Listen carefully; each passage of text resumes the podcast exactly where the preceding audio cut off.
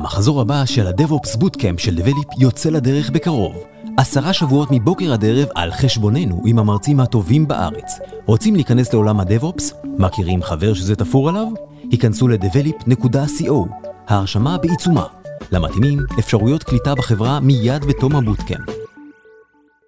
שלום וברוכים הבאים לעוד פרק של Dev Insider מבית דבליפ, הפודקאסט שנותן מבט 360 על חברות טק מעניינות בישראל. אה, שלום לעומרי אה, ספקטור. היי אביב. מה שלומך? מצוין.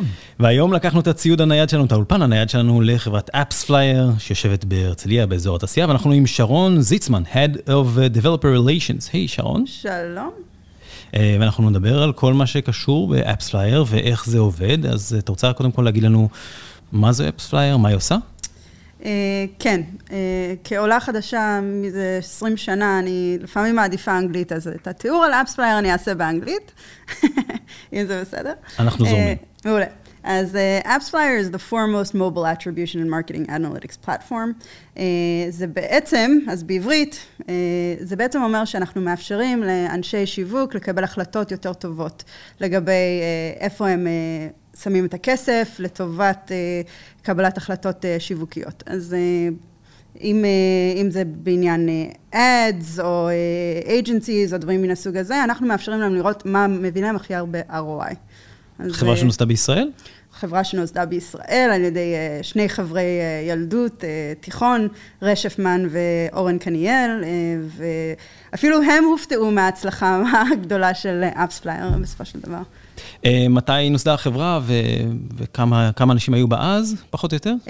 2011, ולדעתי הם היו ממש צוות מצומצם.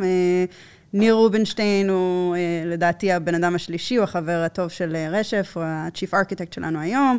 אה, אחרי זה ליסה זייטיק, שהיא היום Head of People Operations, ולאט לאט נוספו אנשים, אבל לדעתי הקור של האנשים, באמת המשמעותיים, היו איזה 35 אנשים, איזה שנתיים, שלוש לפחות, ואז פתאום נכנסנו ל-hyper growth, והיום אנחנו מונים יותר מ-600 איש, שזה מאוד מאוד וואו. מרשים. כמה בישראל, כמה במדינות אחרות?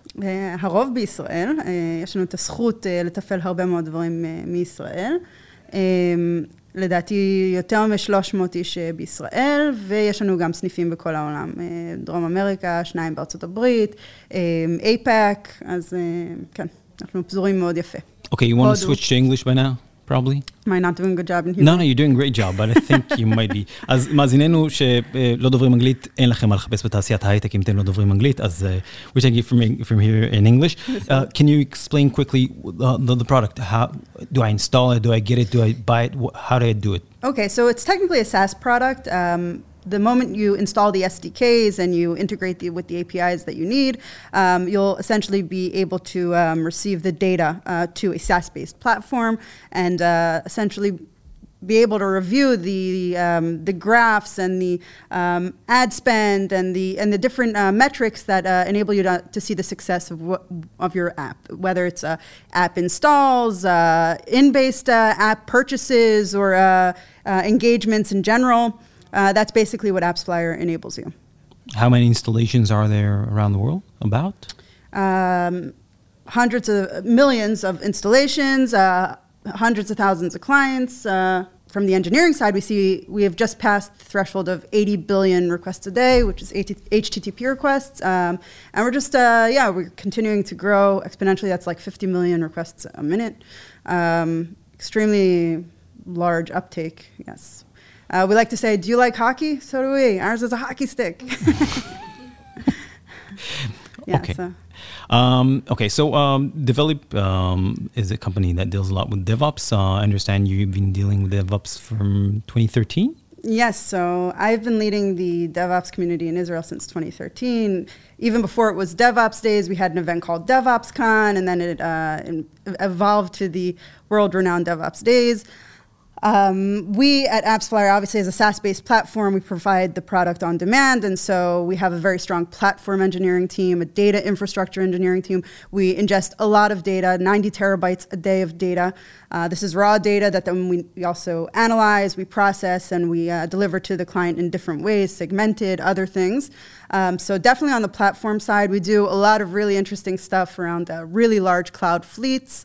Uh, obviously, as you can imagine, um, we do spot instances on our own, which is very bold and uh, ambitious and brave. We have uh, some of the best uh, infrastructure architects there are uh, in Israel, luckily, on our team. And that's just from the DevOps perspective. What we're doing on the engineering side is also very exciting data science a lot of really interesting things happening here. We have some of the best mobile engineers. Obviously, like I said, it's an SDK that you uh, integrate, so um, we have to support uh, a huge fragmentation of diversity of, uh, of devices uh, from the obvious, the iOS and the Android and Cordova, but also um, certain media streamers and things like that. Just Android has like 140 something thousand versions that we support.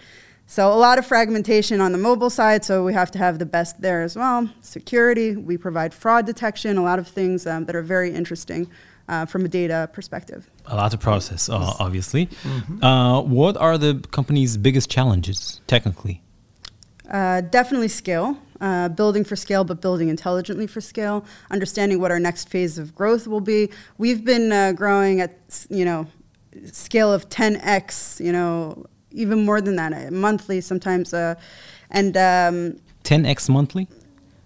How do you how do you cope with such such uh, additions? I mean, how, how can you actually grow so fast? It's a it's a really interesting question. Sometimes. Uh, these are things that you have to scramble around. We're actually going to have a really interesting talk at Reversim about this. Uh, we suddenly saw a spike of incoming traffic, and uh, our uh, our systems were completely throttled. And then we, we did a, a, step back. We took a look from systems engineering perspective, when, and you have to learn how to you know work with these uh, with these spikes. And uh, you know it, it, happens. I mean, it's it's a good thing. There's always a good thing in growth, but um, being able to manage it in real time can be very challenging. And that's why you need the best engineers uh, to be able to handle that kind of growth. Um, many things. Sometimes that you start by throwing money at the problem to, to provide you some breathing room in order to, uh, you know, you know, build, you buy more machines or you buy more, uh, you know, compute network storage, whatever it is that you need in order to deal with the problem immediately. And then that gives you breathing room in order to architect a more intelligent long-term solution. What would ignite a spike, as you, as you mentioned? For instance, what, what types of events uh, would, would create a spike? So without, uh, you know, stealing too much from uh, the excellent talk that we're going to have at Reversim, um, we have this uh, really interesting, uh, we, we discovered through this uh, Indian streaming app uh, the beauties of Indian cricket. So uh, we onboarded a new client called Hotstar. Um, and suddenly, all at once, we saw this huge spike in traffic. All of our machines were like completely uh, overloaded. and we discovered it was the first game of the cricket season in India. and these are the types of things. I mean, a billion people watching the same uh, the same game on a streaming app from the same region. This is uh, this can be really uh, hard to handle from a you know machine perspective, especially when you have uh, additional clients around the globe. It's not just this one client, um, and so these are the type of spikes that tend to happen. We had um, Bachelor's Day. Uh, with AliExpress, which China, is a client, yeah. Hotstar, and and it was right before um, Thanksgiving as well, Black Friday, all in the same week. So these are the types of things that can cause huge spikes all at once, and you have to know how to be able to uh, grow and eventually also downsize based on the, the needs. You know, be be elastic in that sense, uh, so that you're always utilizing the right amount of um, equipment. And, and, you're deployed on your own cloud. Uh, no, uh, we are big AWS uh, and Google Cloud clients, um, both different use cases. Um, those are our primary, uh, you know, uh, suppliers. But uh, you know, there's uh, in, we have a China operation as well, like I said. So uh, we are using Alibaba Cloud there as well. And, and, you're handling all these spikes through spot instances, or do you actually reserve overcapacity?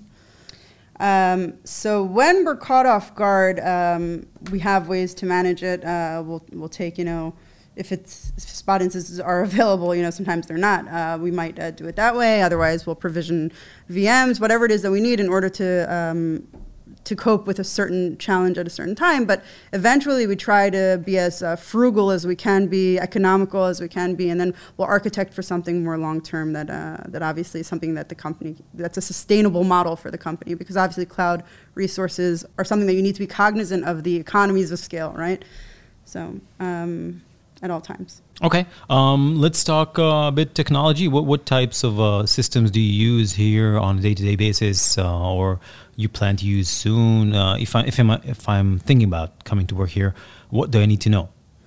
Okay, um, so obviously um, engineers today like to build, and we like to have the most exciting stacks here to be able to work with. Um, I'll start on the platform side because we did start from the um, you know the DevOps side.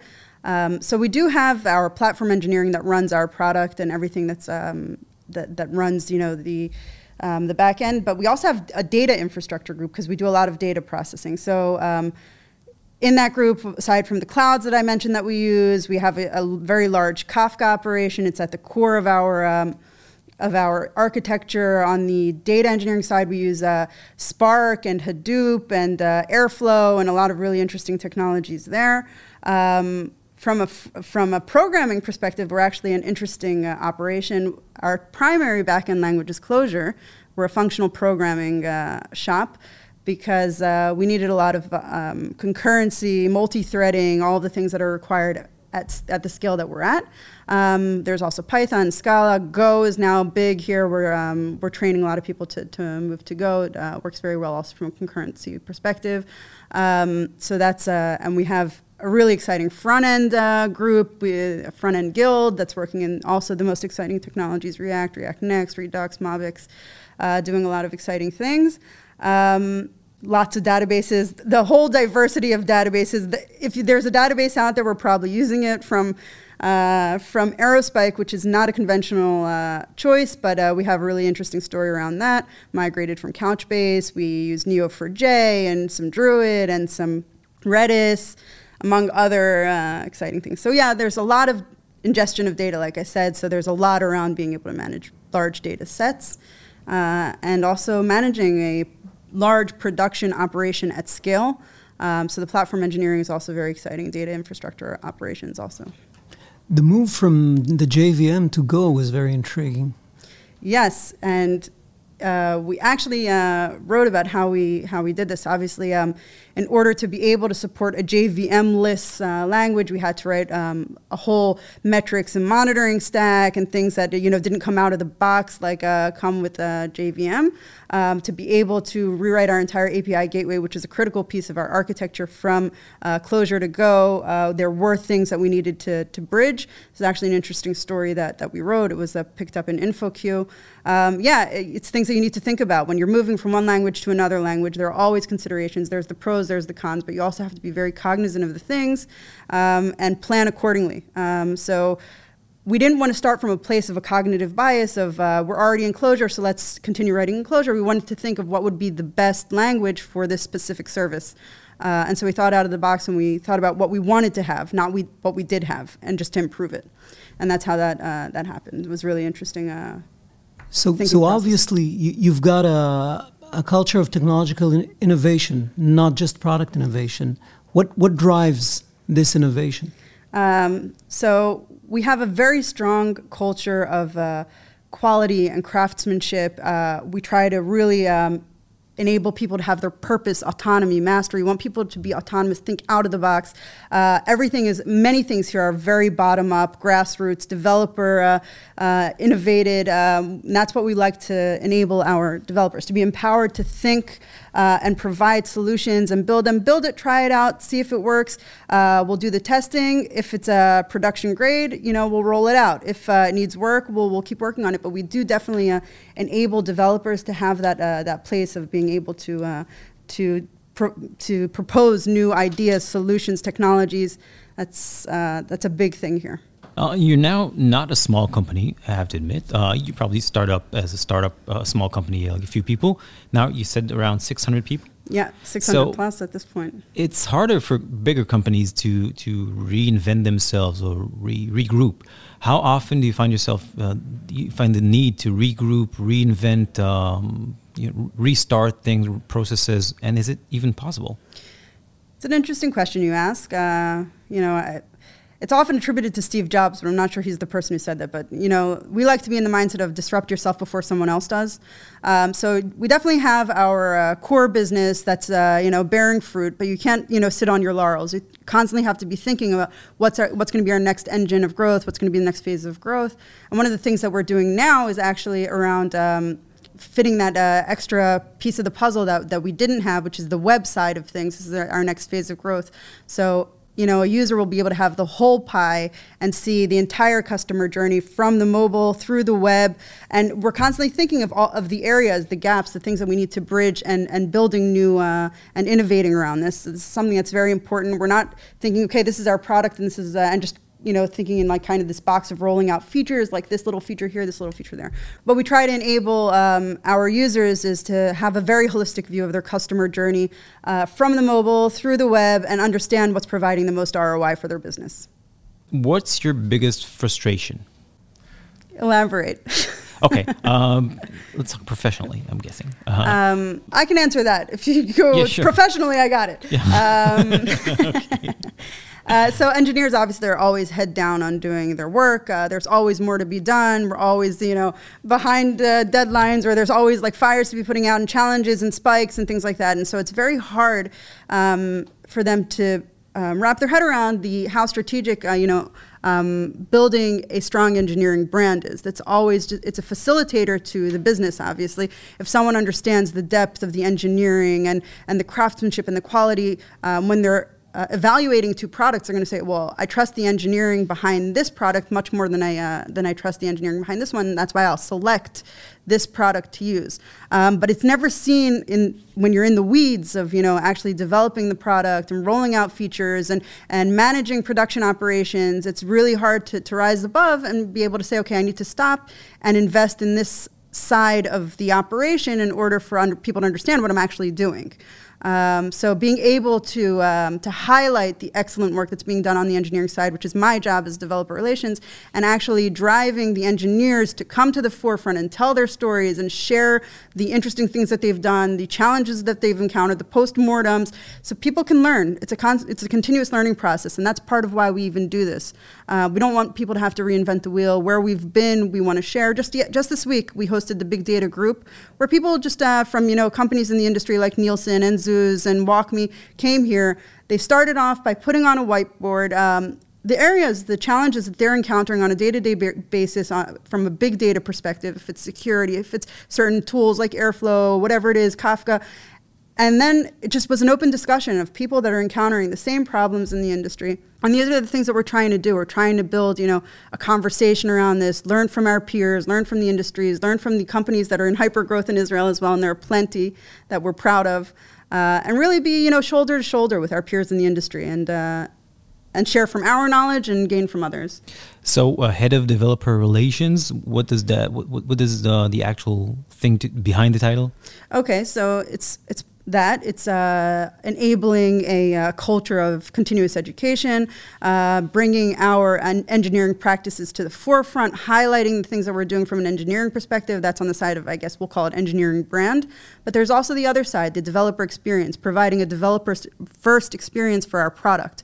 Our product is eventually a technology, right? And uh, while the, uh, the buying persona is a marketing persona, the person that will actually implement it is a developer.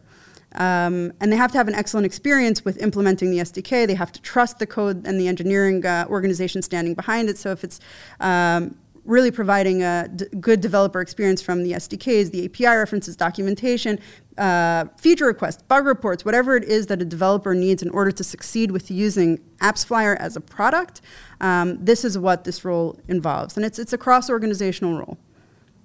Okay, uh, we talked about frustration a few minutes ago. Mm-hmm. What's your biggest, the, the thing you're most proud of? First of all, I'm extremely proud of AppsFlyer that they understand how important a role like this is. It's they're not there are not many companies in Israel. It's it's a growing trend, but there are not many companies that uh, you know bank on this so heavily. They they brought in uh, somebody to take you know this with uh, take the reins on this, and so I really can appreciate that. Um, I think I'm really proud of the engineering uh, of all the um, engineering achievements uh, that we've had over the course of the past few years, going from a small company with a dream to something that's in such hyper growth and, and managing to deliver on this promise it's not a small undertaking. Um, many companies actually fail to scale. And being able to do so under fire with rapid growth while trying to scale your organization, uh, while you know hiring and all of these things, these are all very difficult processes. There are a lot of pains um, all at once with growth.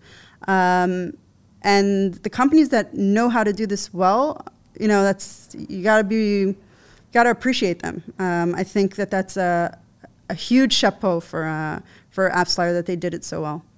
Where do you see this company in two years' time?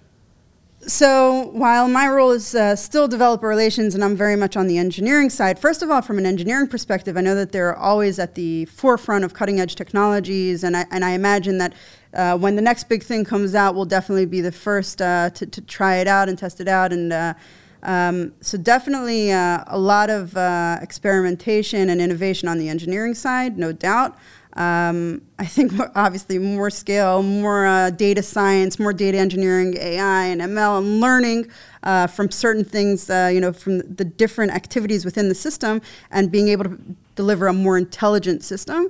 That's first of all. But uh, on the business side. Um, they're constantly innovating. So right now we're, we're talking about doing the uh, web-based attribution alongside the mobile-based attribution. Soon we're going to be heading towards a, you know a holistic marketing cloud. I know that that's uh, Oren's grand vision eventually because. Uh, even that is changing. If historically there were the marketing clouds that were from the uh, you know incumbents, if it's the uh, uh, the SAPs and the Adobes and whatever it is, um, we grew kind of from the other side, the, the other side of the picture that they don't have, which is mobile. And, and the majority of, you know, uh, of uh, internet usage today, the majority of, you know, people surfing the web is, is actually done from mobile these days. And, and it's amazing that they had that vision so, you know, so long ago, like seven years ago, eight years ago, to understand that that's where the world is going. And so being able to provide this holistic, you know, marketing cloud that is, that is very mobile centric and, and on the move and distributed I think that's uh, I think that's definitely uh, in the cards. Okay, consider that I just uh, well I didn't, but consider I just finished uh, learning computer uh, you know programming whatever uh, at school or high school or uh, wherever I am. Uh, university I, I, meant high school is probably not what you're looking for. Um, what I need to prepare. That's not necessarily true. We like to do a lot of things for the community as well. We have oh. a, a, really strong corporate responsibility arm where we do definitely um, try to share from our knowledge and skills with underrepresented uh, groups and high school uh, ch- uh, folks as well. So that is something that we do, but definitely somebody, a computer science graduate uh, Thank you for making me not sound like totally stupid. Um, anyway, what I need to prepare if I want to come here, um, what I need to know that I know. Um, so one thing I can say about AppsFlyer, which is uh, which is actually unique to the industry, is that we have uh, invested a lot of thinking in building a very strong onboarding process. Um, to set up hires for success from day one. And so many times we're able to recruit people based on their potential, not necessarily their existing resume and the things that they know. And we train them. Uh, we have a two month training period where they can actually go from group to group and experience the different things that we're doing in engineering. And eventually, at the end of this two months, after they learned about the different technology stacks, the different programming languages, the different things that we're doing in house, the data side, the fraud side, uh, they get to make a decision. Where do I want to be? What was most interesting to me? Where did I have the most fun? Which, uh, which team is doing the most interesting things to me? Uh, and all of this is included in the training that they get in the first two months. So we take that very, very seriously. We really want to set up, uh, because hiring eventually uh, it's a long process. It's complicated. It's uh, it's costly, and we want to make sure that we're succeeding with every single person that we bring on board. And this is part of our culture. We want to make sure that we did everything right uh, at the beginning to make sure that the person is set up for success.